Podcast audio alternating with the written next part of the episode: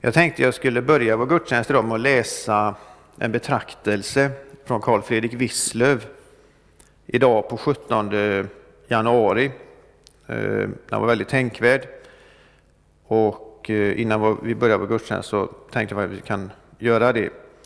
Då står det så här i Jesu namn. Men jag ska låta 7000 män bli kvar i Israel, alla de knän som inte har böjt sig för bal och varje mun som inte har gett honom hyllningskyss. Första Konungaboken 19.18. Detta var ett tröstens ord för profeten Elia. Han trodde inte längre det fanns någon som var trogen mot Herren. Han var själv den ende alla andra hade svikit och han var jagad av fiender som ville ta hans liv. Då får han veta av Herren själv att så illa är det inte. Det finns en, eh, det finns en spillra på 7000 personer som inte har böjt knä för bal. Elia kanske tyckte 7000 inte lät så mycket. Vad var 7000 mot resten av folket? Vi kanske också tänker så ibland, vi som hör till Guds folk idag. Det finns några troende på platsen där vi bor. På en annan plats finns det ganska många, men på andra håll nästan inga. Men jämfört med den stora likgiltiga massan är det ändå få. Ja, det är få och det kommer alltid att vara en sorg för Guds barn att de inte får fler med sig. Låt oss vittna om Jesus innan nådens tid är slut, så att många kan väckas till en sann omvändelse och levande tro. Men det finns i berättelsen om Elia också något annat som vi ska ta till våra hjärtan. Titta inte bara på den stora massan, vill Herren säga oss. Titta på dem som trots allt är med på vägen och gläd dig över dem. En kvarleva ska omvända sig, sa profeten Jesaja. Det är en tanke som vi ofta möter i Gamla testamentet. Avfallet är stort, men Herren ska rädda en liten kvarleva, en liten flock. Tänk på den lilla gruppen som Jesus hade omkring sig den sista natten han levde. Folket hade vänt sig ifrån honom. Av eh, alla de många som en gång gärna hade följt med honom var nu borta. I den närmaste kretsen fanns det, av de tolv fanns en förrädare. De övriga satt till bords med Jesus. Och vad sa Jesus då? Det är gripande att läsa det. Han tackade sin far i himlen för den lilla flocken som tillhörde honom. Herren ser till den lilla flocken av troende vänner som böjer knä för honom. Hur stort är det inte att få vara med bland dem? Och vi känner oss nog alla igen i den här situationen. Inte minst nu i coronatiden när vi inte kan komma samman i kyrkan längre som vi har gjort innan. Men då ska vi ta med oss de här orden som Wisslöv skrev. Titta, inte, eh, titta på dem som trots allt är med på vägen och gläd dig över dem. Och det, när vi ber om kollekter, när vi ber om förböner och så vidare så är det ju någonting som gagnar oss allesammans. För det gagnar vår församling, det gagnar Guds rike, det gagnar för nästa eh, kommande generation av eh, för, för, för Guds barn. Men nu knäpper vi våra händer och så ber vi. Ja, Herre Jesus, hör min röst, gör dig ett tempel i mitt bröst. Du till mitt hjärta bliv och bo, så har jag tröst och evig ro. Herre, nu tackar vi dig för att det finns en församling här i Uddevalla. Vi tackar dig att det finns flera församlingar i denna stad och runt om i dessa marker. Vi tackar dig nu att vi får komma samman. Vi tackar dig för det fina vädret, att det har blivit snö och att vi får känna av vintermånaderna också. Nu ber vi om din välsignelse över denna gudstjänst. Vi ber att det ska gå bra med streamingen. Vi ber att du ska vara med alla som inte kan ta sig till kyrkan, men som gärna vill göra det. Var med alla som är ensamma. Kom och var du deras stöd och hjälp. Och fyll oss var och en med din heliga Ande så att vi kan härifrån denna gudstjänst idag gå glada och stärkta härifrån. I Jesu namn. Amen. Och när klockringningen är slut så börjar vi vår gudstjänst med att sjunga 132 från den andra versen.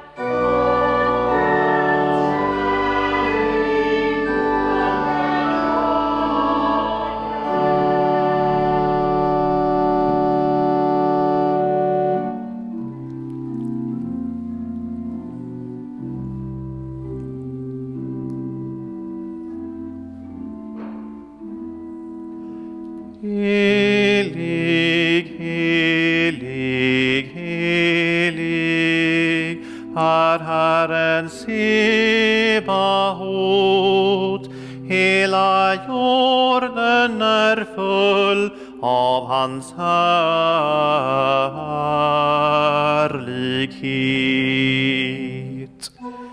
Herren är i sitt heliga tempel, hans tron är i himmelen, men han är också nära dem som är ödmjuka och ångerfulla. Han hör deras bekännelse och vänder sig till deras bön. Och låt oss därför med frimodighet komma inför honom och bedja om förlåtelse.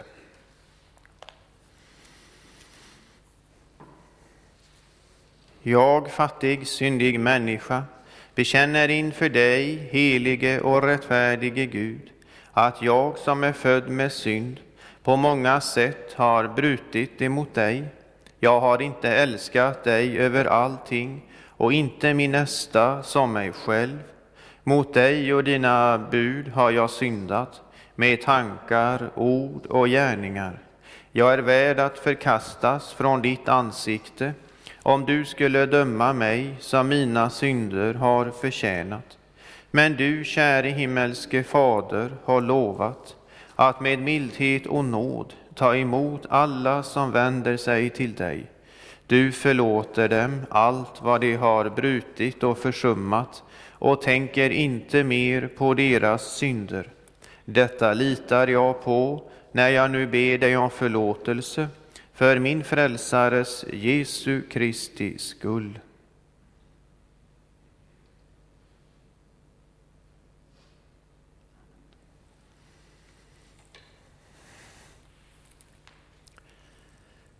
Till dig som ber om dina synders förlåtelse säger jag på Jesu Kristi uppdrag, dina synder är dig förlåtna i Faderns och Sonens och den helige Andes namn. Amen. Käre Fader i himmelen, vi tackar dig för syndernas förlåtelse genom Jesus Kristus, vår Herre. Amen. Helige Herre Gud, helige starke Gud, helige barmhärtige frälsare, du evige Gud, förbarma dig över oss.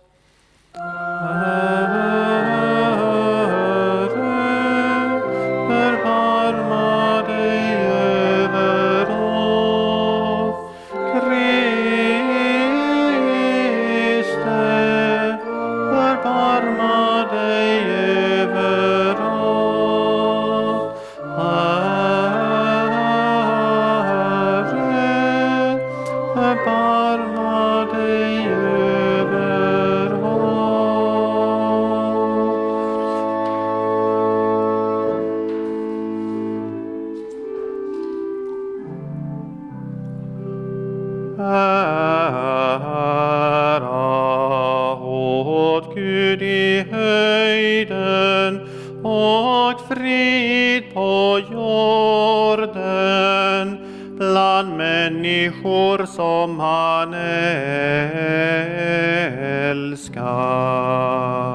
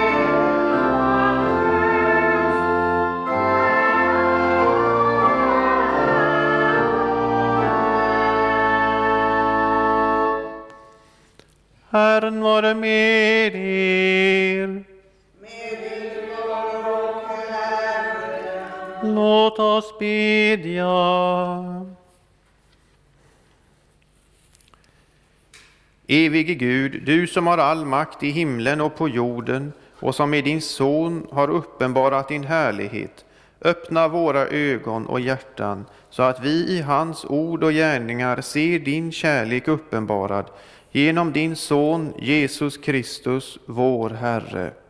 Amen. Vi ska nu först lyssna till Herrens ord ifrån Andra Moseboks 33 kapitlet.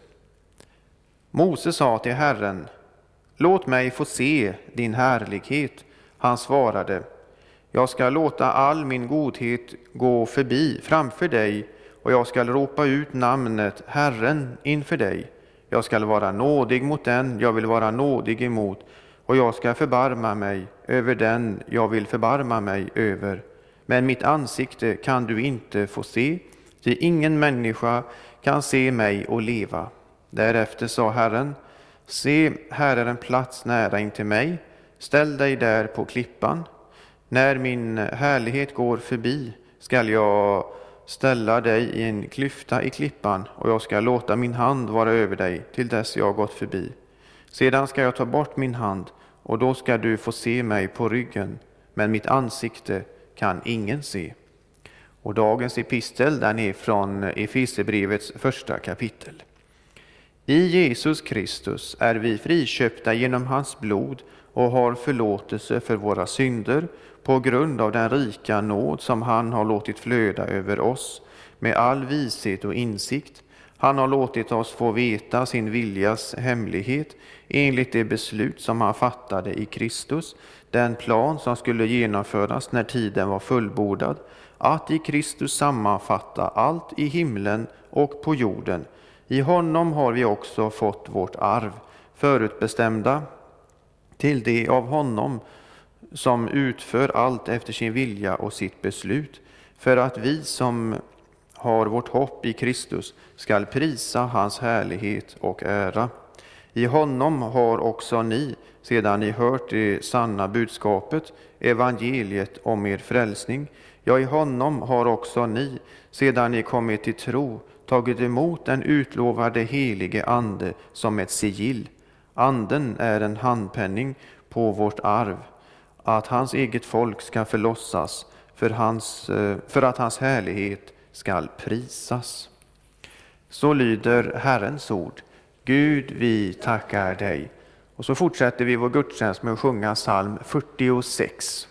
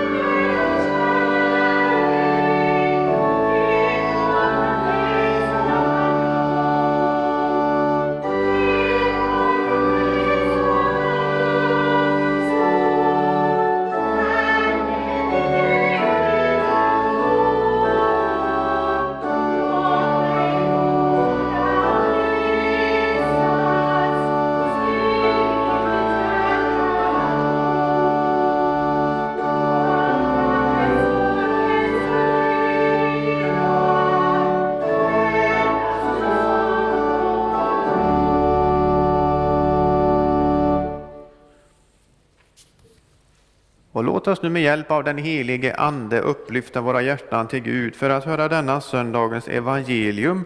Det är från Johannes andra kapitel. På tredje dagen var det bröllop i Kana i Galileen och Jesu mor var där. Jesus och hans lärjungar blev också bjudna till bröllopet. När vinet tog slut sa Jesu mor till honom, de har inget vin. Jesus svarade, kvinna, vad har vi med det att göra? Min stund har ännu inte kommit. Hans mor sa till tjänarna, gör vad han än säger till er. Nu stod där sex stenkrukor, sådana som judarna använder vid sina reningar. Det rymde omkring hundra liter var. Jesus sade, fyll krukorna med vatten, och de fyllde dem ända till bredden. Sedan sa han, ös nu upp och bär in det till världen, och det gjorde det. Värden smakade på vattnet, som nu hade blivit vin, och han visste inte varifrån det kom. Men tjänarna som hade höst upp vattnet visste det. Värden kallade därför på brudgummen och sa, varenda människa sätter först fram det goda vinet och det som är sämre när gästerna börjar bli druckna. Du har sparat det goda vinet ända till nu. Detta var det första av de tecken som Jesus gjorde. Han gjorde det i Kana i Galileen och uppenbarade sin härlighet och hans lärjungar trodde på honom. Så lyder det heliga evangeliet. Lovad vare du, Kristus. Och låt oss nu bekänna vår kristna tro till denna härlighet som vi tror och bekänner oss till. Vi tror på Gud Fader allsmäktig, himmelens och jordens skapare. Vi tror och på Jesus Kristus, hans enfödde Son, vår Herre, vilken är avlad av den helige Ande, född av jungfru Maria, pinad under Pontius Pilatus, korsfäst, död och begraven, nederstigen till dödsriket, på tredje dagen uppstånden igen ifrån de döda, uppstigen till himmelen, sittande på allsmäktig Gud Faders högra sida, därifrån igenkommande till att döma levande och döda.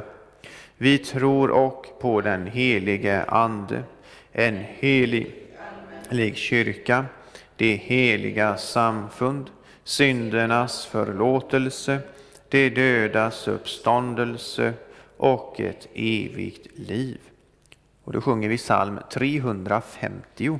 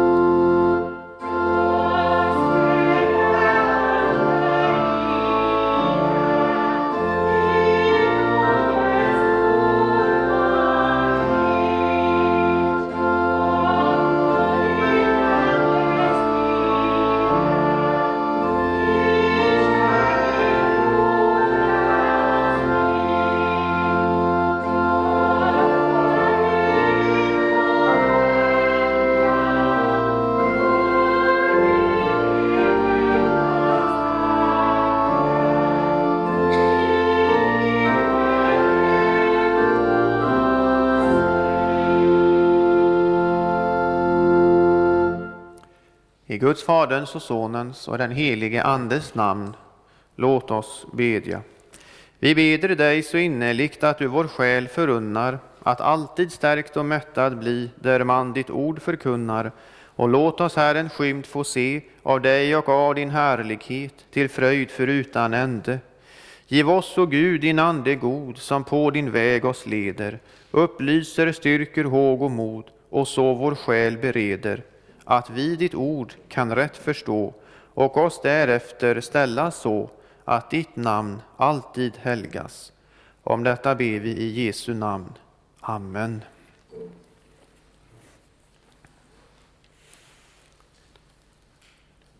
I begynnelsen skapade Gud himmel och jord.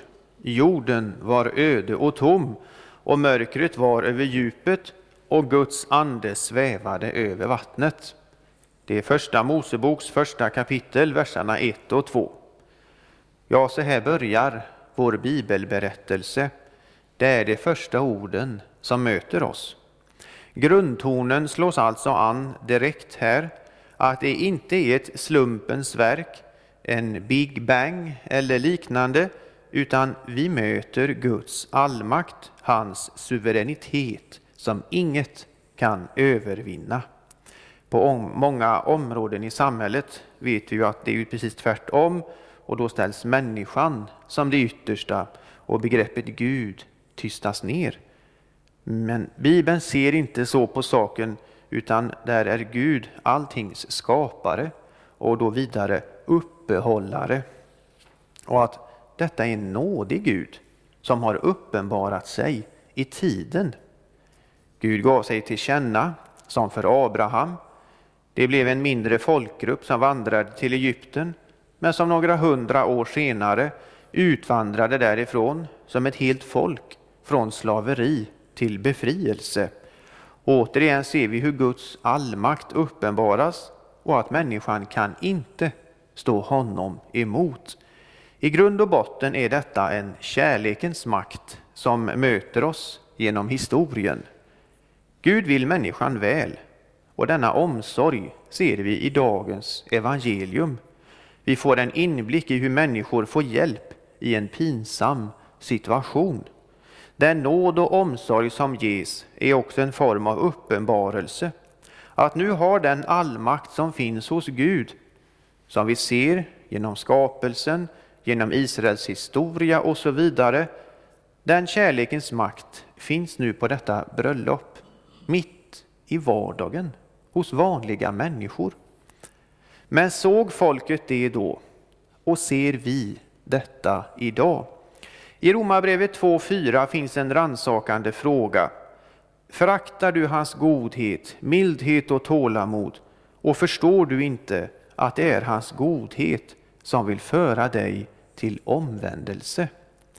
Predikan ska idag återkomma till denna insikt av att Herrens godhet vill föra oss till omvändelse. Och samtidigt ska det också ställas i ljuset av att det mörker som rådde från början, då i skapelsens början, det mörkret är borta, men i människors hjärtan är det mörkt och dit in behöver också ljuset få komma. Människor behöver på olika sätt se hur Gud har uppenbarat sig i tiden, hur han gör det idag och att vi därigenom får lov att bli hans barn. Och det hela kommer att hakas upp på att Herrens härlighet vill föra oss till omvändelse. Men det första vi behöver påminna oss när vi pratar om detta, det är då att synden bromsar insikten i att Herrens härlighet vill föra oss till omvändelse. För talet om synden, det är inget som ska tas med en klackspark. Tänk att det där behöver vi inte höra på, när det finns mycket annat som är roligt. Och mycket är roligt i livet, men allt är inte roligt i livet. För att saker och ting ska fungera går det inte att bara göra vad man för stunden känner. Ska vi förstå något av kyrkans budskap, då kan vi inte bara lägga bort talet om synden. En människa föds inte till ett Guds barn, utan man blir ett Guds barn. Och denna problematik går tillbaka till syndafallets konsekvenser för människan. Efter syndafallet levde människan vidare. Trots att det blivit fel så förkastade Gud inte människan. Han kunde bli arg, vred, hans tålamod kunde ta slut, men han övergav aldrig fullt ut människan. Även om människor levde då och idag, många lever ett liv bortom Gud, så visar Gud sin godhet genom att det ändå fungerar med kläder, mat, hus och hem. När sedan samhället i stort vårdas, politiker fattar kloka beslut och så vidare, ja då blir ju detta en god sak för alla. Och då får vi se det som en Guds styrning. Det perfekta samhället finns inte. Det finns alltid saker att förbättra. Men ser vi till vårt land så finns det ändå, vi har skolgång till barnen, vi har äldreboenden, vi har sjukvård, eh, vi har domstolar, media, vi har religions och yttrandefrihet och så vidare. Det finns många saker att vara tacksam över. Jämför vi till exempel med Syrien och Irak så har vi ändå sluppit undan ganska mycket. Men än en gång, det finns alltid saker att förbättra även i Sverige. Tanken utifrån Paulus ord i Romarbrevet 2.4 är att denna godhet som vi ser i vårt land, det är något som vill föra oss till omvändelse. Tänk bara att vi har värme i husen nu när det är kallt ute. Men blir det så? Det är inte alltid så. Tacksamhet, det finns. Men steget från tacksamhet till syndakännedom, ånger, tro och kyrkogång, det är ett rätt stort steg här emellan. Ser vi till dagens text så fanns det en värd för bröllopet som inte visste var, Eh, som inte visste om det här undret. Och värden han frågade, varenda människa sätter först fram det goda vinet, eh, det som är sämre, när gästerna eh, börjar bli druckna. Du har sparat det goda vinet ända till nu. Och vi kan ta ett annat exempel från första Moseboks trettonde kapitel. Där läser vi om Abraham och Lot och det uppstod ju tvister mellan deras herdar om bete. Men då ödmjukar sig Abraham och han säger till Lot, vill du gå åt vänster så går jag åt höger och vill du gå åt höger så går jag åt vänster. Lot lyfte blicken och såg hela Jordanslätten som överallt var vattenrik. Innan Herren fördärvade Sodom och Gomorra var den nämligen som en Herrens lustgård. Här ser vi återigen hur stark synden är. Markerna eller landskapet runt Sodom och Gomorra, alltså Jordanslätten, var som en Herrens lustgård. Så vi ska inte underskatta talet om synden och se det som något föråldrat, tråkigt prat eller de tio buden med sina förklaringar. För sådana tankebanor, det stänger ute Gud i slutändan. Man får inte en biblisk kristendom då. Eh, man tappar hans frälsning i Kristus, sanningar som det dödas uppståndelse, eller som i dagens text, att det med Guds hjälp ibland händer övernaturliga saker. Sådana saker, det kommer fel. Om vi inte vågar se Bibeln i sin helhet. Och till den helheten, där hör även talet om synden. Det andra i predikan är att Guds härlighet uppenbaras i Jesus Kristus. Ja, Gud känner naturligtvis till vilka starka makter som är i görningen och som här har sammanfattats till syndens makt. Gud sände inte sin son i världen för att enbart vara en helbredgagörare och på den vägen få människor att se upp till sig. Ett sådant tillvägagångssätt blir snart syndigt hos människor. Undertonen går ju snart över i att jag tjänar på detta. Folk kan leva vidare utan reflektion och omvändelse och tro på Jesus. Därför händer det något, då går man bara till Jesus och så blir allt bra igen. Det blir som en försäkring. Vi använder ju inte en försäkring när vi inte behöver den. Men sådan är inte tankegången. Jesus är i första hand en frälsare. Han frälser eller räddar oss från våra synder som för oss mot en evig undergång. Det är syndens baksida. Bibeln lär oss att för den som inte vill ta till sig den försoning som Jesus förvärvade på Golgata kors, så vandrar man i detta livet mot en evig förtappelse. När det gäller dagens text, så det undret som vi ser där, då ska vi inte se undret eh, i fokus, för det är inte Johannes syfte, utan det är Jesus. Kyrkan ska inte på något sätt försöka bortförklara övernaturliga ingrepp och tänka det att om det inte har hänt idag så kan det inte ha hänt då. Så, så ska inte kyrkans folk hålla på att tänka. Utan i trons ödmjukhet tacka och prisa Gud för den hjälp som han ger på olika sätt. I dagens evangelium ligger fokus på att få upp människors ögon för vem Jesus är och vid den tiden och vem han är för oss idag. Och Jesus har inte ändrats över tidens lopp. Och en sida av detta det är underverk. För med Jesus så skedde något nytt. Och nu ställs människor inför val. Och det som idag, val är inte alltid något självklart. Ibland är det lätt att sätta sig in i en fråga medan andra ställningstaganden kan vara betydligt mer betungande. Och inför Jesus ställs vi alla inför ett val. När Jesus i vuxen ålder träder in i sin offentliga verksamhet så på olika sätt börjar Gud visa hur den utlovade frälsningen som vi läser om i Gamla testamentet mer och mer börjar gå i uppfyllelse. Att något nytt nu har kommit i världen och på olika sätt visas detta. Och det är det vi ser i evangelierna. Vi ser att Jesus är inte en vanlig person. Han är inte som alla andra. Hans svar till Maria kan verka lite stötande, men vi får se det utifrån att Jesus handlade efter en tidslinje, en bestämd plan. Samtidigt så glöm, hade inte Maria glömt sin änglauppenbarelse, att hennes son blev avlad av den helige Ande. Eller herdarna som kom, de vise männen som kom, flykten och vistelsen i Egypten eller Jesus som tolvåring i templet. Därför säger hon som hon gör till tjänarna, gör vad han än säger till er. Maria visste något om Jesus som andra inte kände till. Och så är det idag också. Alla vill inte tro på det som vi nu hör om, medan andra inte under några omständigheter kan eh, tänka sig att överge Jesus som sin frälsare.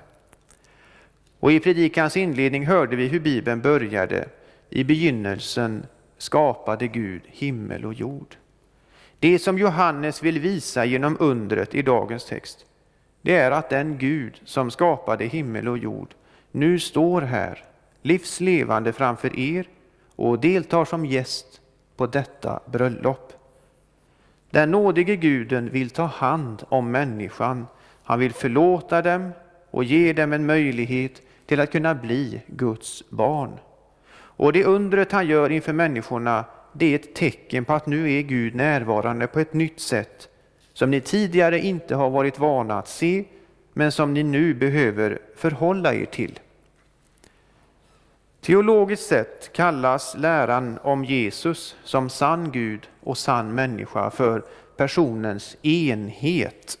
Man kan alltså tänka sig att vi knäpper våra händer, det blir en enhet här nu, våra händer sitter ihop. Och då tänker man sig alltså Jesus som en människa, som vi läser om, som behöver äta, sova och allt detta. Men han hade ingen synd. Det skiljer honom från oss. Men, vi lär också, men Bibeln lär att han är tillika sann Gud i samma person. Och då talar man om personens enhet. Och när det gäller Jesu gudom så har vi flera bibelverser på det. Och när vi har firat jul, då kan vi tänka på den eh, änglauppenbarelse som herdarna fick. Och budskapet till dem det löd bland annat Idag har en frälsare blivit född åt er i Davids stad. Han är Messias, Herren. Och här tillskrivs alltså det högsta gudomliga namnet. Det ges åt Jesus såsom Herren. Och det är ett sådant exempel där man då har ut, hur man ska kunna förklara detta. Jo, det får man förklara att Jesus, det har att göra med hans sanna gudom. Detta gör att när andra religioner, eller sådant som människor sätter sin tilltro till, det blir då avgudar. Tänker vi på begreppet antikrist, som många gånger är förenat med en ond satanisk makt, så behöver det endast inte vara så För anti, det betyder ju istället för. Och när människor väljer att blunda för den uppenbarelse som visar Herrens härlighet och därigenom tror på andra religioner eller andra saker istället för Kristus, då blir ju allt sådant olika former av antikrist. Det tredje och sista vi ska stanna upp inför det är att Herrens härlighet uppenbaras genom församlingen och därigenom omvändelse. Ja, vi har återkommit till hur Bibeln började och att det mörker som fanns från början, men det som nu är borta, det finns fortfarande hos människor här inne som inte har omvänt sig och tror på Herren Jesus. Och vi känner alla människor som inte önskar kyrkans budskap. Johannes, som vi hörde om här från, det, från hans andra kapitel läste vi om idag, han skriver i början av sitt evangelium om Jesus att i honom var liv och livet var människornas ljus och ljuset lyser i mörkret och mörkret har inte övervunnit det. En kristen människa har detta gudomliga ljus inom sig. Men samtidigt så är inte en kristen människa ensam. Nej, utan hon är döpt och tillsammans med sin församling tror och bekänner att Jesus är hennes frälsare och saliggörare. Och detta gör att församlingen är, blir ett ljus som lyser i mörkret. Och när vi ser församlingen som ett ljus i mörkret, en fyr som lyser likt ett ledljus, förstår vi att det är förenat med ett ansvar att tillhöra en kristen gemenskap. Det är inte enbart en serviceinrättning, utan drivkraften i församlingen är Kristi kärlek, som Paulus uttrycker det. Och ska denna kärlek kunna vara rådande och dominerande, då går det inte att tysta ner talet om synden, stoppa undan de tio buden med sina förklaringar, alltså Guds ordningar. När synden behöver hos varje enskild människa eh, komma fram i syndabekännelsen, den behöver erkännas, förlåtas och glömma, så att det går att göra bättring, alltså tro, och på det sättet flytta fram positionerna. För Guds nåd, den är var morgon ny, och han kastar inte ut den som söker sig till honom. Så läs din bibel, be och följ med i gudstjänsten eller via skärmarna i dessa tider. För kan inte en församling visa på godhet och kärlek, tålamod och så vidare, hur ska då församlingen kunna missionera och vara ett ljus? Hur ska då Herrens godhet kunna leda människor till omvändelse? Den härlighet som uppenbarades vid bröllopet i Kana, det får vi se som ett tecken, ett ljus i mörkret, en ringklocka där Gud gav sig till känna vem han var och vad hans uppgift var, som till slut ledde honom till korset på Golgata och en tom grav på tredje dagen. Och på olika sätt får en församling också vara en missionerande församling, där den på olika sätt mer och mer med ordet och, eh, och gudstjänsten i centrum får leda människor till en ännu mer fast och övertygande tro på att Jesus Kristus är Herren. Men inte bara kyrkans Herre, utan också min personlige Herre och Frälsare, som kommer till mig och går med mig och hjälper mig och de mina i vår vardag, så som han hjälpte de nyvigda i Kana då vinet tog slut. Att han är den Gud som blivit uppenbarad i köttet och som i dödens stund leder de sina till sin eviga glädje, frid och salighet, det vill säga till sin eviga härlighet. Amen. Ja, lovad vare Gud och välsignad i evighet, som med sitt ord tröstar, lär, förmanar och varnar oss. Helige Ande, skriv ordet i våra hjärtan, så att vi inte blir glömska hörare, utan varje dag växer till i tro, hopp, kärlek och tålamod in till tidens slut och blir saliga. Genom Jesus Kristus, vår Herre. Amen. Och innan vi sjunger psalm 332 så säger vi till sist Må hoppets Gud uppfylla er med all glädje och frid i tron så att ni överflödar i hoppet genom den helige Andes kraft. Amen.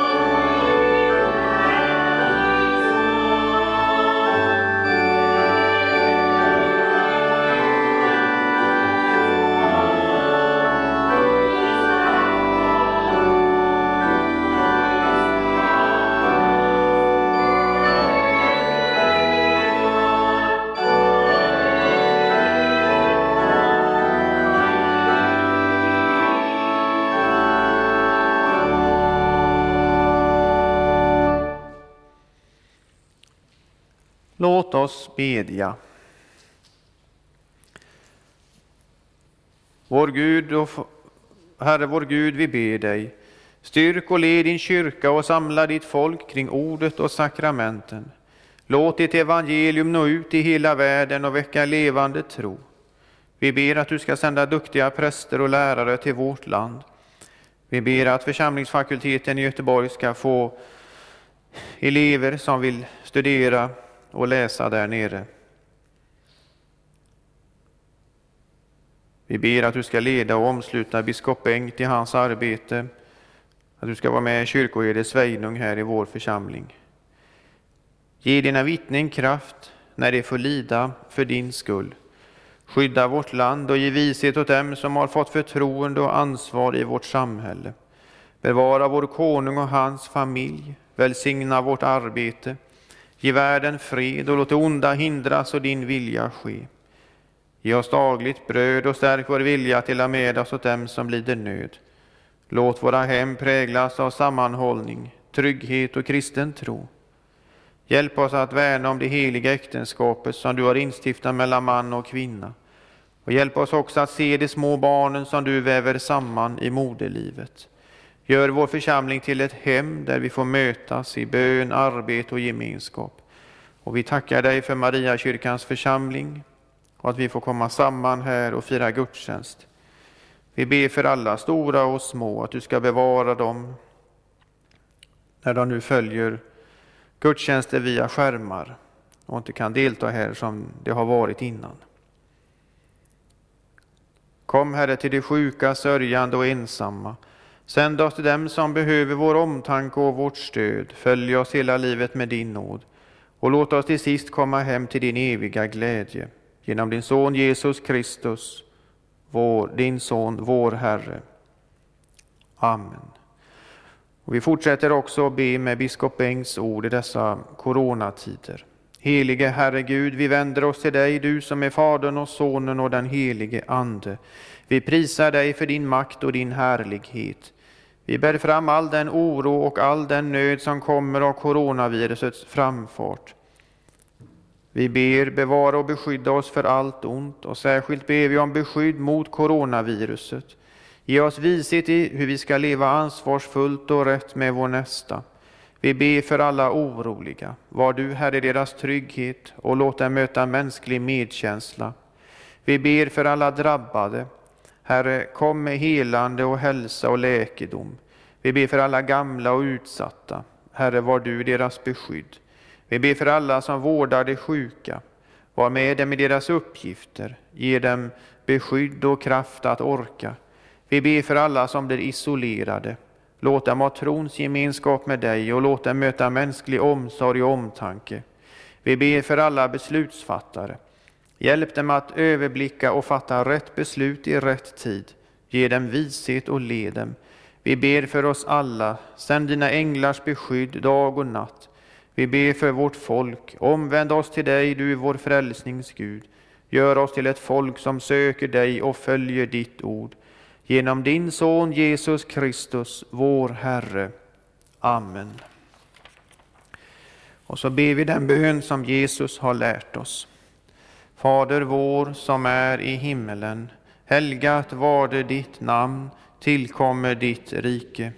Ske din vilja så som i himmelen, så och på jorden. Vårt dagliga bröd giv oss idag och förlåt oss våra skulder så som och vi förlåta dem oss skyldiga äro. Och inled oss inte i frestelse, utan fräls oss ifrån ondo. Ty riket är ditt, och makten och härligheten i evighet. Amen.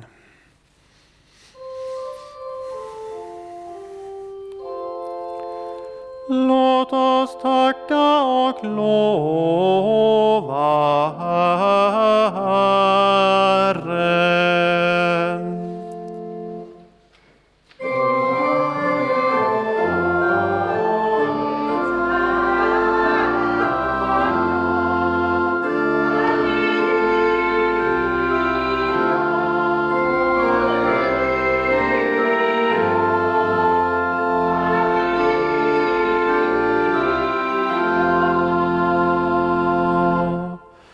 Tag emot Herrens välsignelse. Herren välsigne er och bevare er. Herren låte sitt ansikte lysa över er och vare er nådig. Herren vände sitt ansikte till er och give er sin frid. I Faderns och Sonens och den helige Andes namn.